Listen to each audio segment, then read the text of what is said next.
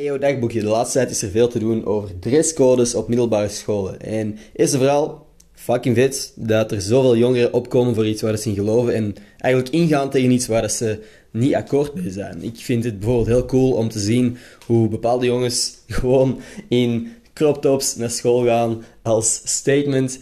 En ik heb zelf op die leeftijd nooit nagedacht over gelijkaardige dingen, omdat wij op een middelbare school zaten en mijn perceptie over dresscodes misschien gewoon anders was. Dat was niet iets waar ik ooit over na heb gedacht. Maar achteraf bekeken is het inderdaad soms gek dat mensen bepalen wat andere mensen mogen dragen of hoe die zich moeten bedekken, omdat een andere groep misschien zich niet zou kunnen bedwingen na het zien van een knie of een schouder. Want als je er echt over nadenkt, is het eigenlijk vrij belachelijk om bepaalde situaties te steken op iemands kleren en niet op de opvoeding of zelfbeheersing van de mensen die in fout zijn.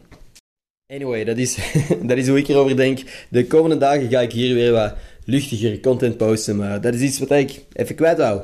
Oké, tot morgen.